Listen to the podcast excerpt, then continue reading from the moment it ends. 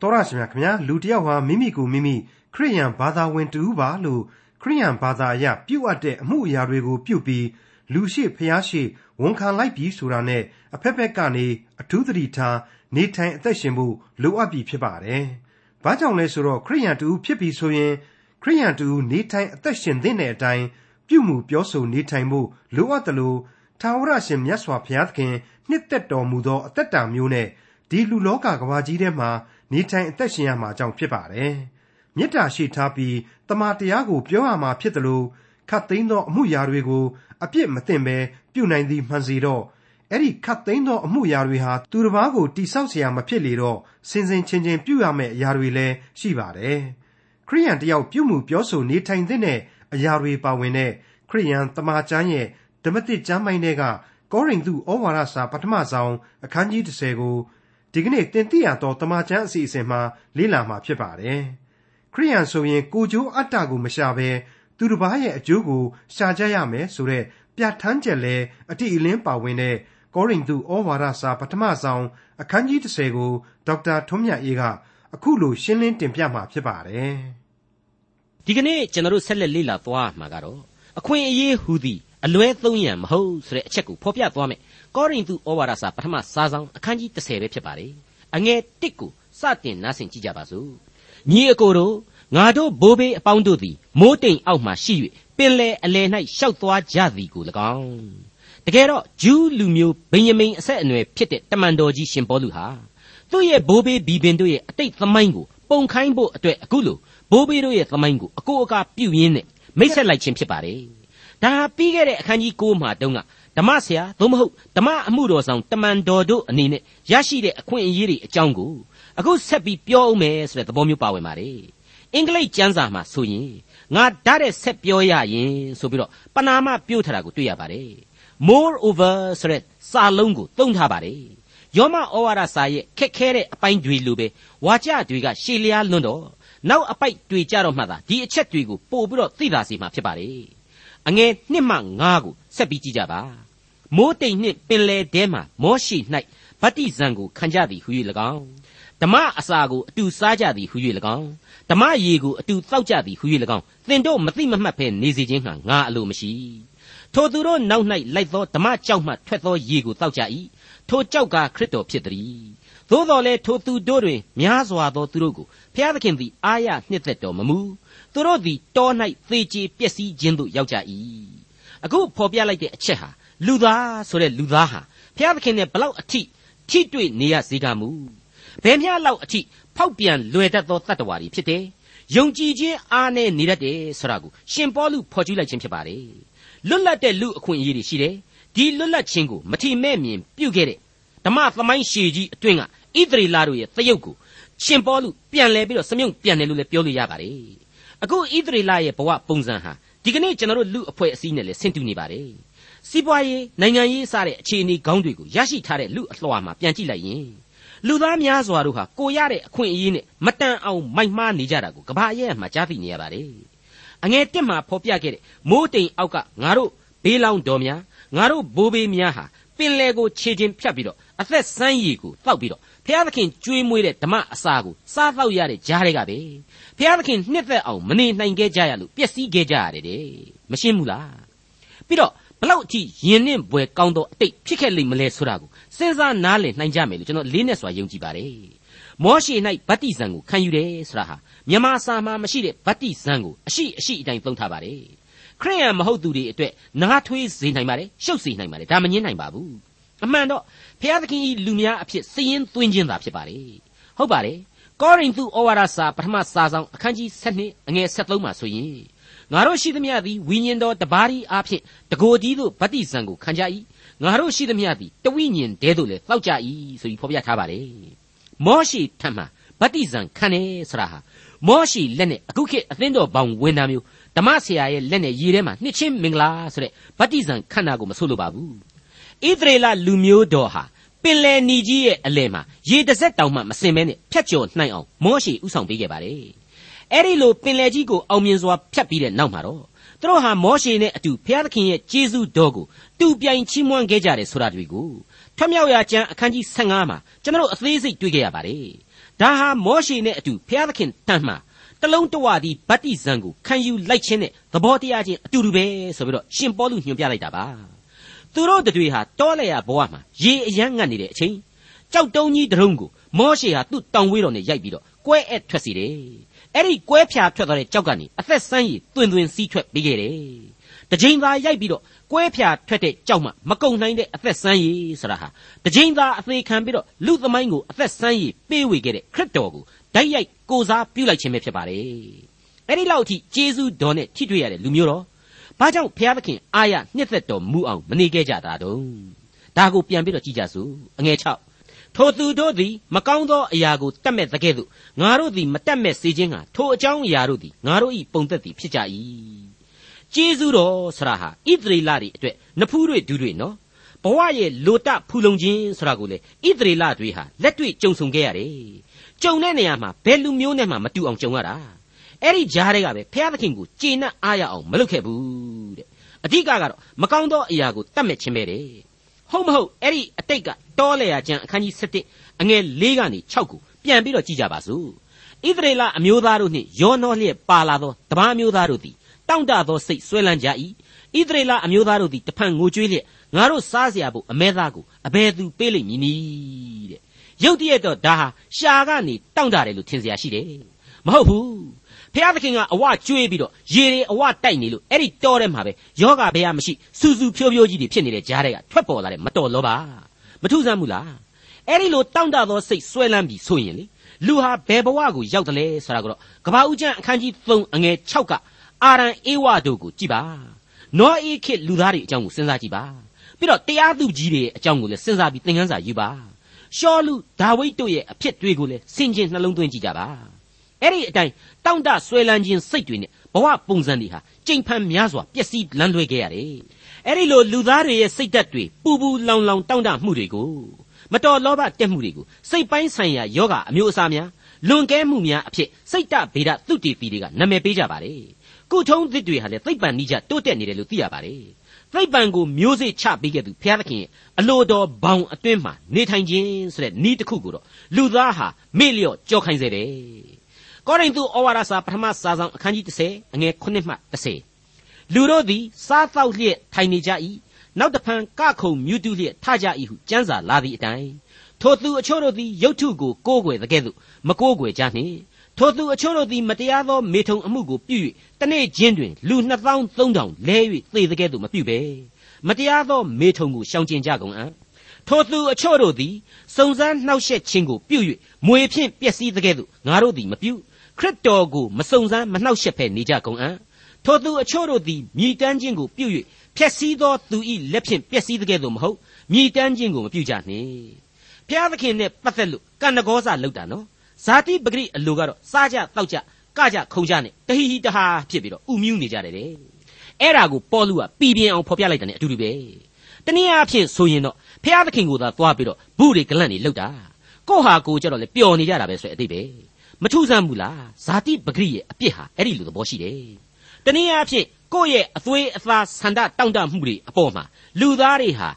ဝန်သာမဆုံးတပြုံပြုံဖြစ်နေကြတာပေါ့အဲ့ဒီအဖြစ်တွေဟာကဘာဦးကိုပြန်သွားပြီးတော့ဖော်ပြတာဖြစ်ပေမယ့်ကောရိန္သုဆိုတဲ့အသွေးအသားရမဲ့မြို့တော်ကြီးကိုသတိပေးနေသလိုကျွန်တော်မိษွေတို့ကိုလည်းရှင်ပေါလုဟာပြင်းထန်စွာသတိပေးနေတယ်လို့ခံယူလိုက်ကြပါ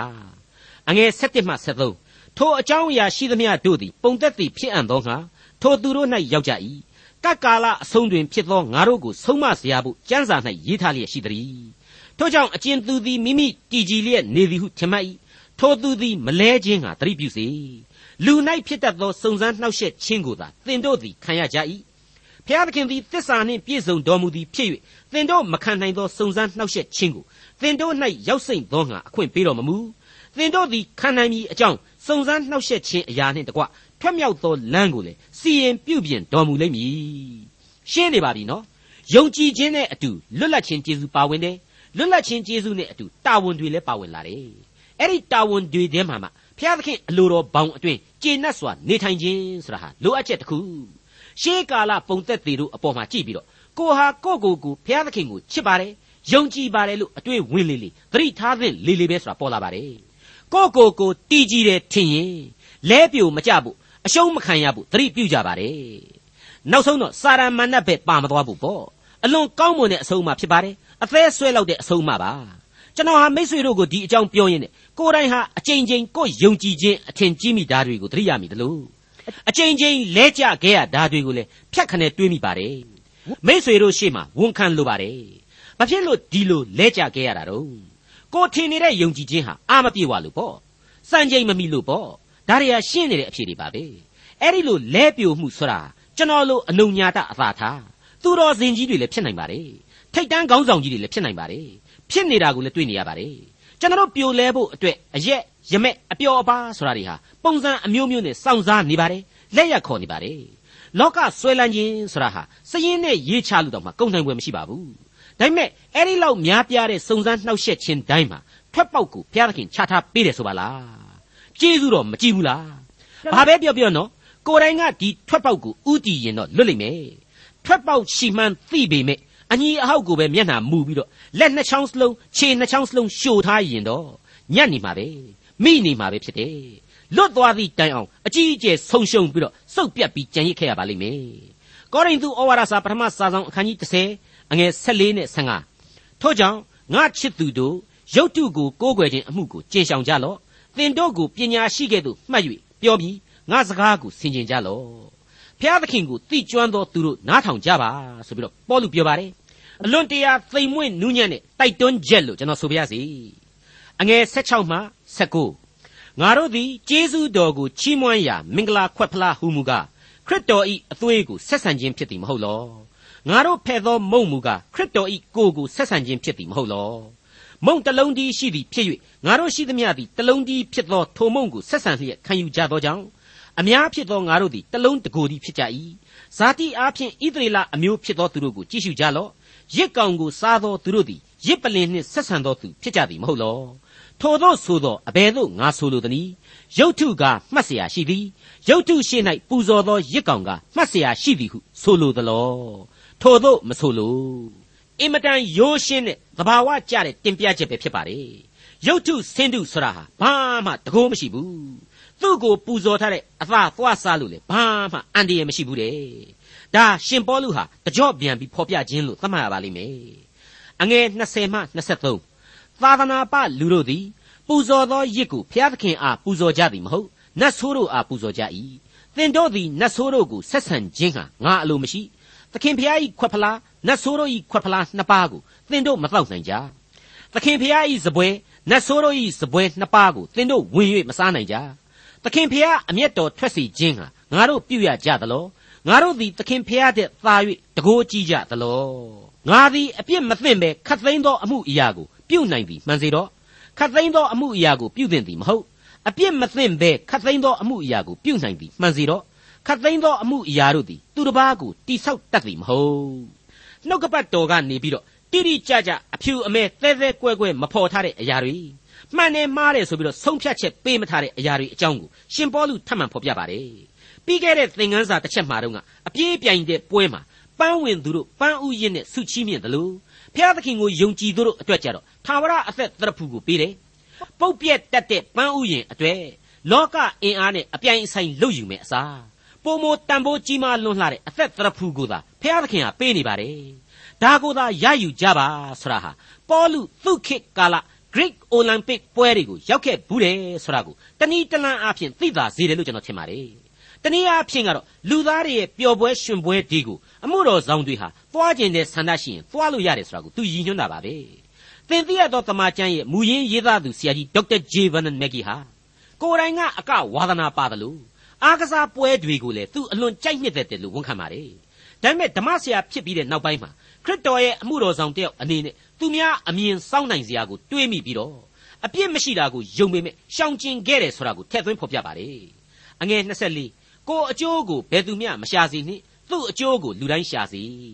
တစ်ချိန်လုံးရှေရှေဝေးဝေးဆိုခဲ့တာရဲ့အဖြစ်ဟာတိကနေဖြတ်ပိုင်းချလိုက်လို့ပဲအဖြစ်ပေါ်ထွက်လာပါတယ်ယုံကြည်သူတို့ရဲ့အသက်တာဟာလွတ်လပ်တယ် တင်းကျပ်တဲ့ပြည့်ညတ်တော်တွေနဲ့မနှောင်တဲထားပါဘူးအဲ့ဒီလွတ်လပ်ခြင်းဟာကိုကြိုးစည်းပွားတဲ့အများအတွက်ပို့ပြီးတော့တိဆောက်ရမယ်ဆိုတဲ့အဖြစ်ဟာဒီနေရာမှာထင်းထင်းကြီးပေါ်လာပါတယ်ကိုခံစားရတဲ့ဘုရားသခင်ပေးသောလွတ်လပ်ခွင့်ဆိုတာအများအကျိုးအတွက်ဖြစ်ရမယ်ဆိုတဲ့သဘောလွတ်လပ်တယ်ဆိုတာကိုကြည့်ဖိပြောနေရတော့နောက်ကျမသွားခင်ကျွန်တော်ကပဲထည့်ပြီးရှင်းနေပါတယ်လွတ်လပ်တယ်လွတ်လပ်တယ်ဆိုပြီးတော့ကျွန်တော်တို့ဖော်ပြနေတာတခြားမဟုတ်ပါဘူးဘဝလောကရန်ကြားမှာဘာအပူအပင်ပူလောင်သောကမှမရှိခြင်းကိုဆိုလိုခြင်းပဲ ဟုတ်ပါတယ်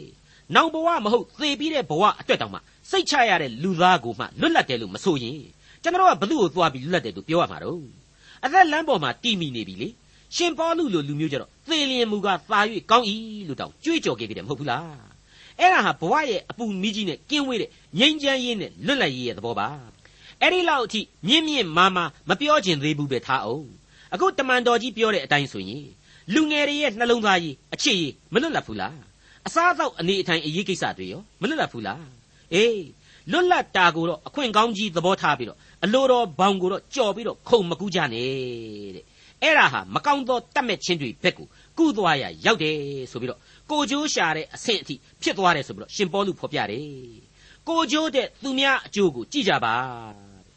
ဒါကိုပြန်ပြီးတော့အဖြေထုတ်ကြည့်မယ်ဆိုရင်အနှစ်ချုပ်ကြည့်မယ်ဆိုရင် လွတ်လပ်ခြင်းကိုမှတခါလွတ်လပ်ခြင်းအဖြစ်သက်သက်ပဲလွတ်လပ်ခြင်းဆိုပြီးတော့သီးသန့်ကြီးမထားဘူးဖယ်မထားဘူးခရစ်တော်ရဲ့မေတ္တာတရားထားရမယ်ဆိုတဲ့စိတ်ဓာတ်မျိုးနဲ့ချုပ်တီးထားခြင်းဆိုတဲ့အဖြေတစ်ခုထပ်မံနားလည်လာရပါတယ်တနည်းအားဖြင့်လွတ်လပ်တဲ့ခရိယန်အသက်တာဆိုတာကိုအဲ့ဒီလွတ်လပ်ခြင်းကဥမဆောင်ပါဘူးမေတ္တာစိတ်ကသာလျှင်ဥဆောင်သွားရမယ်ဆိုတဲ့သဘောတရားပါပဲကောရိန္သုဩဝါဒစာပထမစာဆောင်အခန်းကြီး30အငယ်24နဲ့25အောတပစိတ်ကိုထောက်ရသောကြောင့် ဈေး၌ရောင်းသမျှကိုမစစ်ကြောမမေးမြန်းပဲစားကြလော့အကြောင်းမူကားထာဝရဘုရားသည်မြေကြီးနှင့်မြေကြီးတစားကိုပိုင်တော်မူ၏ဟိုအသားဒီအသားဆိုတာနဲ့ပတ်သက်လို့ပြည့်ညတ်တော်ခေတ်ကတားမြစ်ချက်တွေဟာကုံသွားပြီဆိုတဲ့သဘောကာလဒေသနေရာဌာနအလျောက်လူသားတွေဟာရှိတာကိုစားရဖို့လွတ်လပ်ခွင့်ရှိလာကြတယ်နတ်တင်ထားလို့မစားရဘူးလယ်မလှီးလို့မစားရဘူးဆိုတာမျိုးတွေလုပ်နေရင်ပြောင်းလဲနေတဲ့လူမှုရေးအခြေအနေမှာစားစရာမရှိဘဲနေမယ် ဒါကြောင့်မလို့စစ်စစ်ပေါက်ပေါက်တွေမေးမနေနဲ့ဈေးမှာရောင်းနေတာကိုစားကြည့်ရင်ဝယ်သာစားတဲ့ဒီအဓိပ္ပာယ်ပါပဲအထူးသဖြင့်ခရိယန်တွေဟာဖန်ဆင်းခြင်းကိုယုံကြည်တယ်အနှိမ့်စားတတ်တလောကကိုအမြင့်စားလူသားဟာအုပ်ဆိုးရတယ်ဆိုတဲ့ဘုရားသခင်ရဲ့ဗျာဒိတ်တော်ကိုလက်ခံကြရပါတယ်အဲ့ဒီခံယူချက်အပေါ်မှာမှရှင်ပေါလုဟာဒီဩဝါဒစာပိုက်ကိုဖြည့်ဆွက်လိုက်ခြင်းပဲဖြစ်ပါတယ်အငယ်29မှ29မယုံကြည်သောသူသည်သင်တို့ကိုခေါ်၍ဖိတ်၍ သင်တို့သည်သွားလို့ဖြင့်အောတပစိတ်ကိုထောက်ရသောကြောင့်သင်တို့ရှိ၌ထက်သမျှကိုမစစ်ကြောမမေးမြန်းပဲစားကြလော့သို့တော်လည်းဤမည်သောအရာသည်ရုတ်ထုရှိ၌ပူဇော်သောရစ်ကောင်ဖြစ်၏ဟုတစုံတယောက်သောသူဆိုလျင်ထိုသောဆိုသောသူ၏မျက်နာကို၎င်းအောတပစိတ်ကို၎င်းထောက်၍မစားကြနှင့်အောတပစိတ်ဟုဆိုသောကိုယ်စိတ်ကိုမဆိုလိုသူ့စိတ်ကိုဆိုလို၏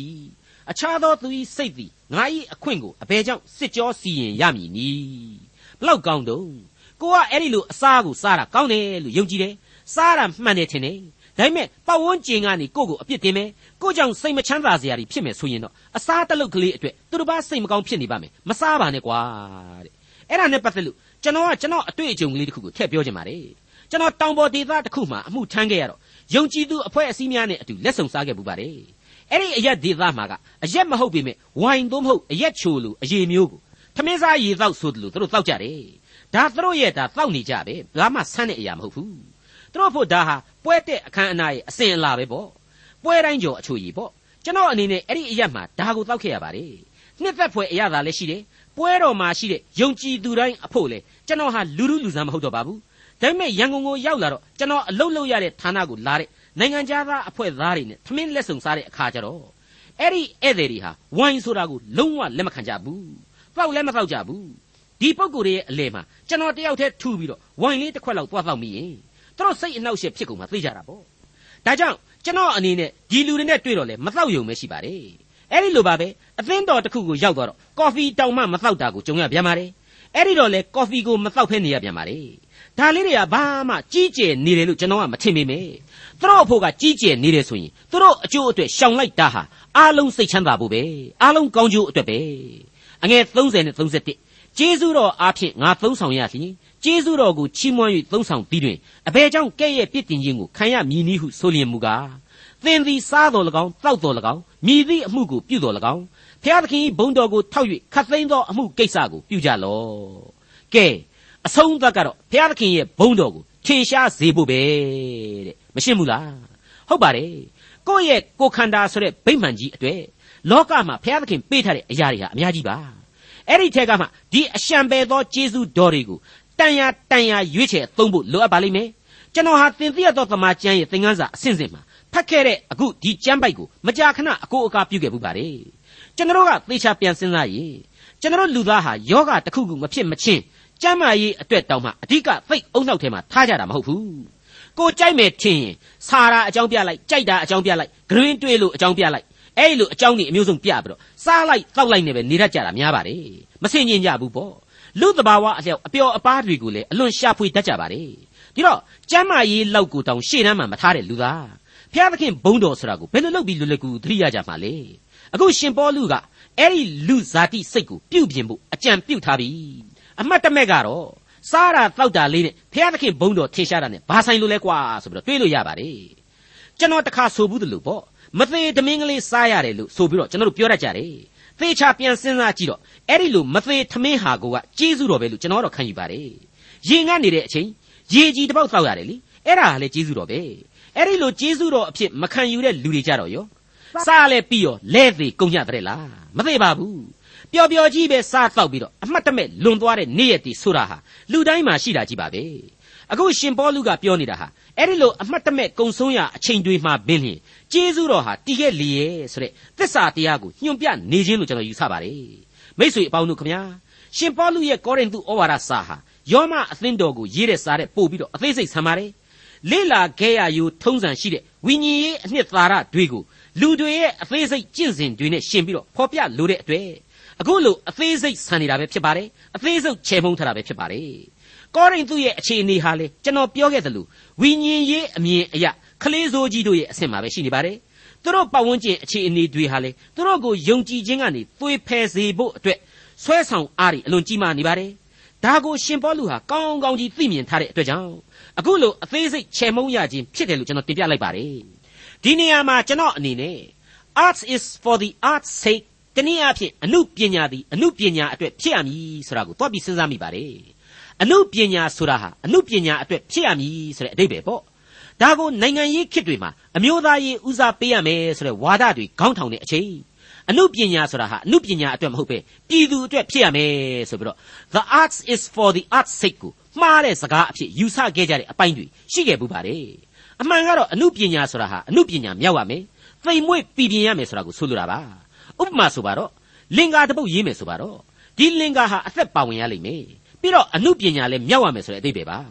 ကျွန်တော်ဟာဇာတိပဂရိလူဖြစ်တယ် အစားအသောက်အနေအထိုင်ကအစလူပြီးသားရမှာပေါ့တစ်ချိန်တည်းမှာခရစ်တော်၌တည်နေတော်သူယုံကြည်သောသူကြပြန်တော့ကိုယ့်ဘဝသရုပ်တို့မှာခရစ်တော်ရဲ့ကယ်တင်ရှင်ကျေးဇူးတော်ကိုထွန်းလင်းထင်ရှားစေရမယ်ဆိုတဲ့အတိတ်ပဲပါဝင်လာပါတယ်အထူးသဖြင့်ကိုယ့်ပတ်ဝန်းကျင်မှာဘုရားသခင်ရဲ့ဘုန်းတော်ကိုထင်ရှားစေဖို့အထူးလိုအပ်နေတဲ့ကောရိန္သုအရက်ကယုံကြည်သူတွေကိုပေါလုဟာအလွန်ပြောသင့်ဆိုသင့်တဲ့စကားမျိုးပြောလိုက်ခြင်းပဲလို့မှတ်ချက်ပြုလိုက်ပါရစေကောရိန္သုဩဝါဒစာပထမစာဆောင်အခန်းကြီး30 အငယ်32နဲ့33အဆုံးအထိလူများတို့သည်ကဲတင်ခြင်းသို့ရောက်စိမ့်သောဟာငါသည်ကိုယ်အကျိုးကိုမရှာဘဲသူ့အကျိုးကိုရှာ၍ခတ်သိမ်းသောလူတို့၏အလိုသို့အရာရာ၌လိုက်သည်နိတူသင်တို့လည်းယူရလူဟေလဖလူဖျားသခင်အသင်းတော်ဝင်သူတို့၌ထိမိ၍လဲเสียကိုမပြုဘဲလူများတို့ကဲတင်ခြင်းတရားကိုရောက်စိမ့်သောငါဆိုတဲ့အပိုင်းကလေးဟာရှင်ပေါလုရဲ့အရင်ကစိတ်စေတနာကနေပေါ်ထွန်းလာခြင်းဖြစ်ပါတယ်အဲ့ဒီလိုမွန်မြတ်တဲ့စေတနာဟာချစ်သူတယောက် တမိသားစုနဲ့ဒေသတစ်ခုလောက်မှတည်တည်ခဲ့တဲ့စေတနာမဟုတ်ပါဘူးခရစ်တော်ရဲ့အလိုတော်နဲ့အညီယေရုရှလင်မြို့မှသည်ယူရပြည်ရှမာရိပြည်မှစတဲ့မြေကြီးစွန်းတိုင်အောင်တည်တဲ့တမန်တော်ကြီးရှင်ပေါလုရဲ့စေတနာမေတ္တာပဲဖြစ်ပါတယ်ဒီစေတနာဟာလူသားတို့ကိုအပြက်လန်းကနေအသက်လန်းကိုရရှိစေခြင်းနဲ့စေတနာအသက်တရဖူကိုရယူဆောင်းစေခြင်းနဲ့စေတနာပဲဖြစ်ပါတယ်အဲ့ဒီစေတနာရဲ့ဝိသေသလက္ခဏာတွေကတော့ကိုယ့်အကျိုးကိုစွန့်လွတ်ပြီးတော့ခတ်သိမ်းသောသူတို့၏အကျိုးကိုရှေ့ရှုတဲ့လက္ခဏာတွေပဲဖြစ်ပါတယ် သူဒီမှာဖော်ပြထားတယ်လေလူများတို့သည်ကဲတင်ခြင်းသို့ရောက်စိမ့်သောငါငါသည်ကိုယ်အကျိုးကိုမရှာဘဲသူ့အကျိုးကိုရှာ၍ခတ်သိမ်းသောလူတို့၏အလိုသို့အရာရာ၌လိုက်သည်နိတူတဲ့ဘလောက်အတူယူစရာကောင်းတဲ့တမန်တော်ကြီးရဲ့ဘဝပုံသက်တွေလေဒါကြောင့်မို့လို့လေတမန်တော်ကြီးဟာယုံကြည်သူတို့ရဲ့အခွင့်အရေးအမှုတော်ဆောင်တို့ရဲ့အခွင့်အရေးစတဲ့အခွင့်အရေးတွေတဲ့ လူသားကဘာမှာခရစ်တော်ရဲ့မေတ္တာတော်ကိုခံစားရရှိရေးအခွင့်အရေးအတွက်ကိုသာလျှင်တစိုက်မတ်မတ်ဥဆောင်ဥရပြုသွားခဲ့ပါတယ်သူ့ရဲ့ဘဝအသက်တာကိုပုံနှင်းပြီးတော့ယုံကြည်ခြင်းသက်သေကိုထွန်းလင်းထေရှားစေခဲ့ပါတယ်သူ့ရဲ့အမှုတော်ဆောင်ခြင်းအသက်တာကိုအသေးစိတ်အကဲဖြတ်လိုက်ရင်တော့ယုဒလူဆိုတဲ့ပြည့်ညတ်တရားကိုကိုးကွယ်တဲ့လူတွေဟေလသလူဆိုတဲ့နတ်တို့ကိုသာရွှေချကိုးကွယ်နေတဲ့လူတွေအဲ့ဒီလိုအစွန်းရောက်နေတဲ့လူသားတွေနဲ့အတူခရစ်တော်ရဲ့ဂျေဇုတော်နဲ့ဂရုဏာတော်အပေါ်မှာ ကျွန်တော်ကျမတို့တော့ဖြင့်ယုံကြည်ပါပြီဆိုပြီးတော့အသင်းတော်ကိုတီစရှိတဲ့လူအဖွဲ့အစည်းသစ်ကလူတွေအားလုံးအဖို့သူအဖြစ်ကျွန်မဟုတ်ဖဲနဲ့ကျွန်တယောက်လိုတာဝန်ကျေခဲ့တယ်ဆိုတာရှင်းလင်းပေါ်လွင်နေပါပြီတစ်ချိန်တည်းမှာပဲခရစ်တော်ဤကျွန်ဆိုတဲ့အဖြစ်ကိုဂုံယူစွာခံယူလာခဲ့တဲ့ပုံကိုကြီးပြီးပြီးခရစ်တော်ရဲ့အသက်အလင်းတရားကိုထင်ရှားစွာသက်သေတည်စေခဲ့တယ်ဆိုတာတွေကိုကျွန်တော်ဘယ်လို့မှညှင်းနိုင်မယ်မထင်ပါဘူးတမန်တော်ကြီးရှင်ပေါလုရဲ့ဂျေဇုဒေးဟာအသင်းတော်သမိုင်းမှာ ထင်ရှားပေါ်လွင်လွန်းလာပါတယ်မိษွေအပေါင်းတို့ခမညာ